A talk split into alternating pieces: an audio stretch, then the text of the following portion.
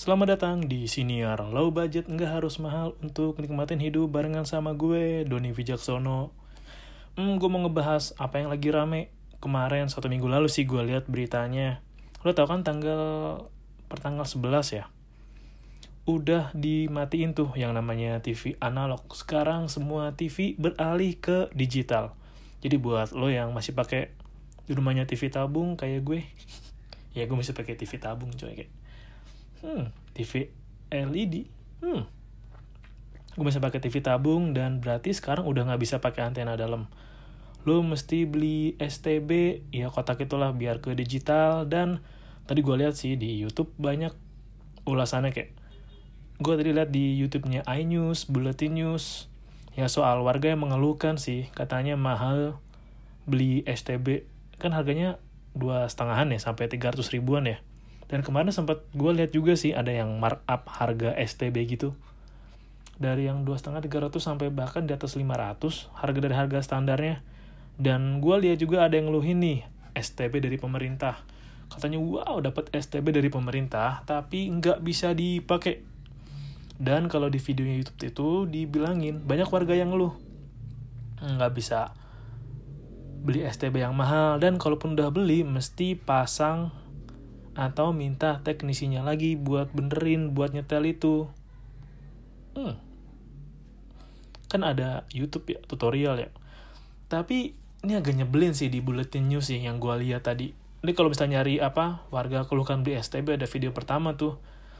Ya masa warga ngeluh nggak bisa beli STB tapi punya dua TV yang bawah tabung yang atas LED TV-nya ada dua satu tabung satu LED kan ya gimana ya? Untuk beberapa daerah nih kalau misalkan lu bikin berita lu bilang lu warga miskin tapi di ibu kota dan punya dua TV agak pertanyaan gitu. Ini bener nih warga yang emang nggak bisa beli STB apa emang di nggak bisa bisain kan banyak yang lu tahu kan banyak ya banyak masyarakat kita yang suka merasa miskin lah. Yang kemarin rame aja tuh rumahnya bagus tapi dibilang warga miskin. Ya kan rumahnya dari semen pondasi terus ada stiker yang warga miskin tutupin kan pasti buka iya ada tulisannya. Terima bansos. Belum lagi yang kemarin ini beberapa waktu lalu yang rame sih yang warga sebenarnya mampu tapi dapat bansos. Untungnya di beberapa daerah tuh mau gitu sadar diri bahwa gue ini sebenarnya mampu kok gue ini nggak miskin. Ya udahlah karena gue mampu apa yang gue terima dari pemerintah gue kasih lagi ke orang lain. Atau ya warga-warga yang perumahan mampu nih perumahan-perumahan yang rumahnya udah bagus lah udah settle ya udahlah bansos yang kita terima semua dikumpulin dan disebar ke warga sekitar yang nggak dapet. Ya kalau tarik lagi garisnya kenapa data-data nggak merata? Lu tanya deh tuh sama EKTP kalau EKTP jadi semua sistem itu bisa bagus terintegrasi.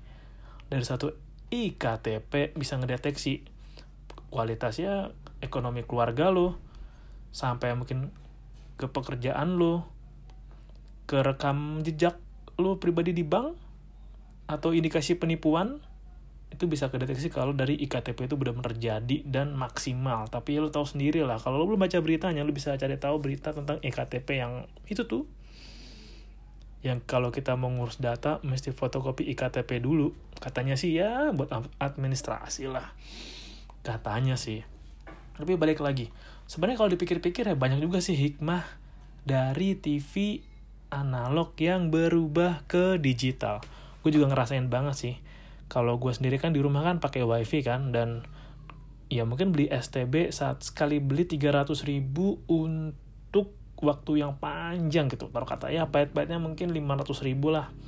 Beli STB sama pemasangan tapi kan bisa bos tahun 2 tahun 3 tahun. Kalau yang pakai wifi kan ya bayar sekian ratus per bulan tapi ya sekian ratus sekian ratus sekian ratus terus. Dan kalau mau ditarik benefitnya sih sebenarnya udah mulai sama aja tuh.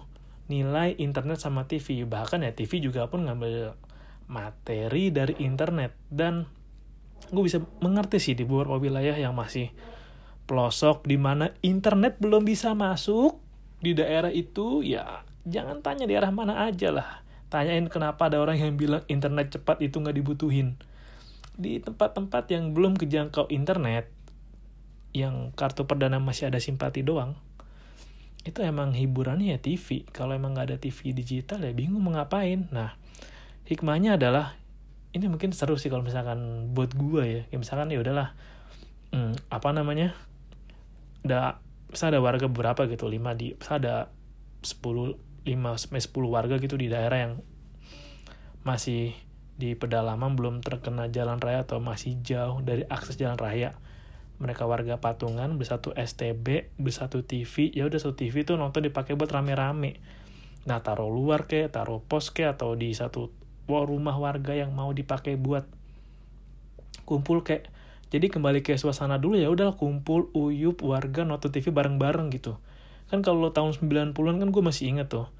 Ya nggak semua orang punya TV kan. Jadi kalau lo ada yang punya TV pasti temen lu atau tangga lo ya numpang TV di rumah lu nonton tumpang nonton. Itu juga bisa jadi pilihan sih kalau yang belum ada internet belum, belum ada apa ya udahlah. Patungan beli TV satu ya nonton TV bareng-bareng di situ. Seenggaknya tuh jadi lo makin deket makin uyup. Walaupun emang nyebelin sih kadang-kadang kalau suasana rumah rame terus tapi seenggaknya adalah suasana di lingkungan sekitar lo tuh hidup dan lo deket dan menonjolkan lagi ciri khas masyarakat Indonesia yang gotong royong yang suka uyup yang suka paguyuban dapat tembayan. Apa tembayan bukan deh gue lupa di sosiologi ada paguyuban dapat tembayan. Tapi yang biasa kitanya uyup paguyuban. Saling rame-rame. Jadi ngebuat lu kenal dengan tetangga lu masing-masing atau hikmahnya adalah kalau emang lu ini sih gue dulu sih. Misalnya lo gak ada TV nih kalau gue dulu gue suka main di tempat teman gue itu emang TV-nya gambarnya jelek gambar semut. Emang beli alatnya itu yang masih mahal dulu buat anak kuliahan kan gue cap tuh mahal kan yang buat itu TV dan juga ada gangguan kan ya udahlah. Kita mulai cari inisiatif kegiatan lain daripada nonton TV, nonton apa yang disediain saat itu yang acaranya eh. Ya udah, kita ngapain? Ngisi TTS. Itu kegiatan yang menarik loh. Kegiatan yang bisa ngejaga otak lo tetap sehat. Karena kan ada penelitian yang bilang tuh, kalau lo mau ngejaga diri lo biar nggak Alzheimer, latih dengan olahraga, terus melatih pikiran lo dengan ya baca, dan salah satunya dengan ngisi TTS bisa kalau gue gabut nih ya udah paling gue ngisi TTS sama temen gue berdua tanya-tanyaan kalau udah mentok tanya internet tanya Google kalau udah mentok sih dan dulu kan HP masih Java masih Symbian ya. Android masih Android Gingerbread 23 ya udah internet terbatas. Kayaknya belum ada web kunci TTS deh. Ya udah kita nanya kita ngisi. Terus kalau bingung ngapain ya main rental PS udah. Jadi kalau nggak ada TV ya paling ngisi TTS main ke rental PS atau kalau ramean ya main monopoli, main ular tangga. Atau ya udahlah bikin kopi, duduk aja udah. Ngobrol apa aja di luar sambil ngeliatin jalanan. Lu kalau rumah lo pinggir jalan raya atau deket dengan jalan raya, itu emang enak banget deh. Ngamatin lalu lintas orang berlalu lalang di jalan raya sambil lu minum kopi kek, sambil lu ngobrol kek. Nggak tau kayak enak aja gitu.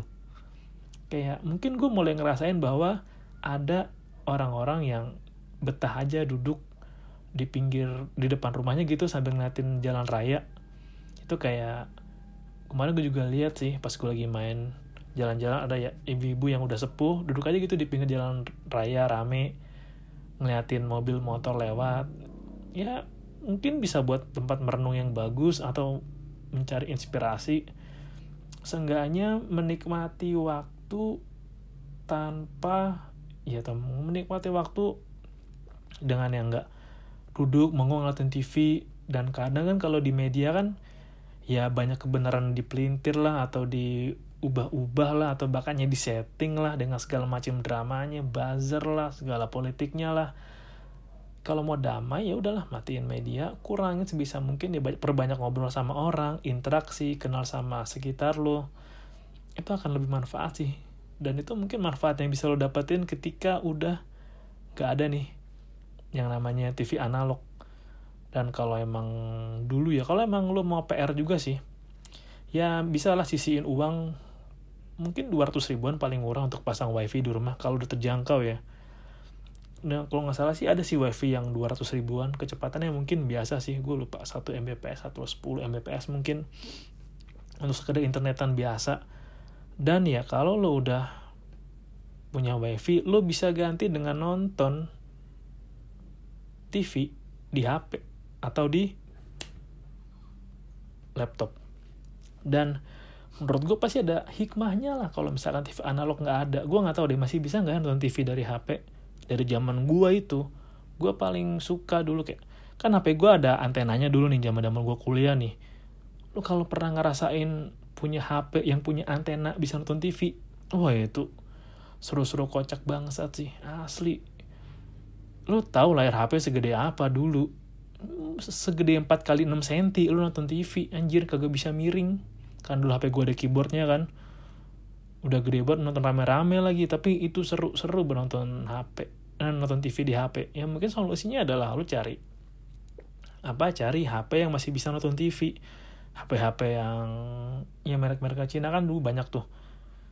Gue pernah lihat apa gue nggak salah ya ada HP 200-300 ribuan tuh ada fiturnya TV gitu. HP tapi ya layar kecil sih mungkin sakit mata tapi kan seenggaknya lu bisa nonton pribadi privat. Ya kalau mau PR sih beli standnya aja nonton dari deket gitu. Emang sih nonton TV itu jadi suatu agenda yang seru di mana lu bisa duduk bersama keluarga lu nonton dan nikmatin TV yang ada. Tapi memang zaman berubah sih banyak anak-anak muda anak-anak milenial yang Z bahkan juga kayak daripada gue nonton TV mendingan gue nonton streaming internet atau streaming film deh atau nonton film deh lo tau kan bagaimana kemarin rame soal yang diramal kiamat TV waktu perseturuan ya perusahaan media dengan YouTube yang katanya ya mengambil alih gitulah. Dan menurut gue emang pasti perubahan itu terjadi.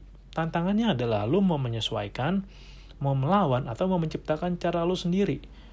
Kalau lo ya udah pasrah aja lah ya udahlah. Berarti lo harus berjuang untuk bisa sesuai dengan perubahan kalau lo mau ngelawan ya udah lo cari cara gitu gimana caranya lo bisa nonton TV dengan apa yang pemerintah larang kayak ya adalah hack-hack cara nonton TV yang digital tapi nggak pakai alatnya. Lo kalau mau ngelanggar peraturan-peraturan itu tapi kalau lo mau dengan cara lo sendiri ciptain cara lo sendiri ya opsi tadi ngobrol.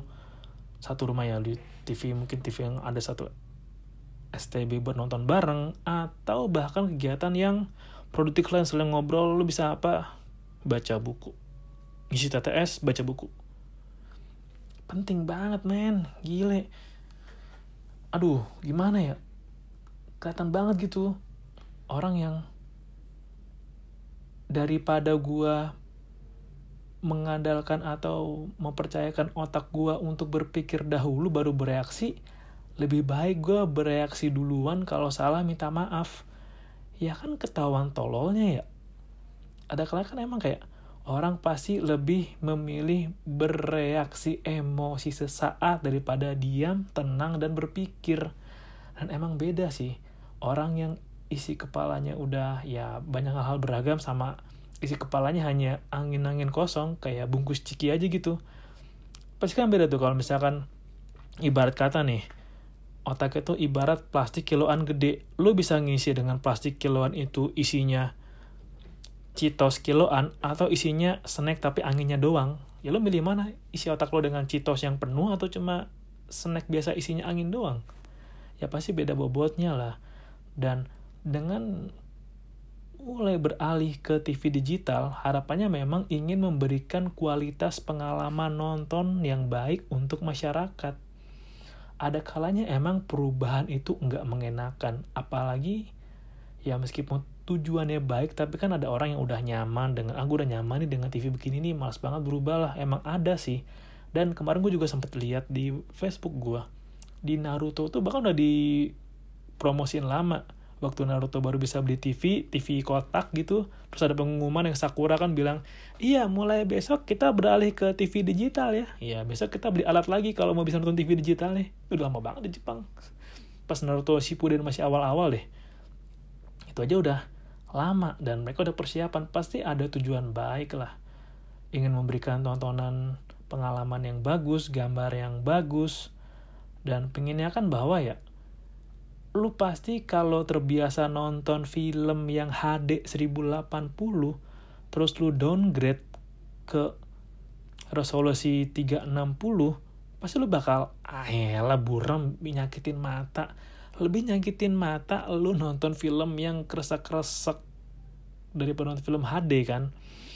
Dan untuk bisa nonton film yang gak ngerusak mata lo emang perlu harga. Ya mungkin seenggaknya adalah lo mesti keluar beberapa ratus ribu rupiah lima ratus ribu agar bisa dapat tontonan yang gak secara visual baik dan menjaga kualitas mata lu. Daripada lo maksain nonton yang berusak kerenyak kerenyak kerenyak asal ada suara dan gambar garis eh suara banyak tapi gambar-gambar tipis tapi mata lo cepet-cepet minus cepet-cepet mata lo rusak gitu mungkin warnanya kebanyakan nonton semut di TV ya lebih baik gue mau mengeluarkan sedikit lebih banyak sedikit nabung ngurangin dikit atau mungkin bayar pakai bank keliling cari STR yang udah pengalaman atau beli STR yang murah rekomendasi YouTube dan gue pasang dan gue belajar sendiri ngikutin tutorial daripada gue ngorbanin mata gue yang bisa dipakai untuk melihat banyak hal dalam jangka waktu lama ke depan.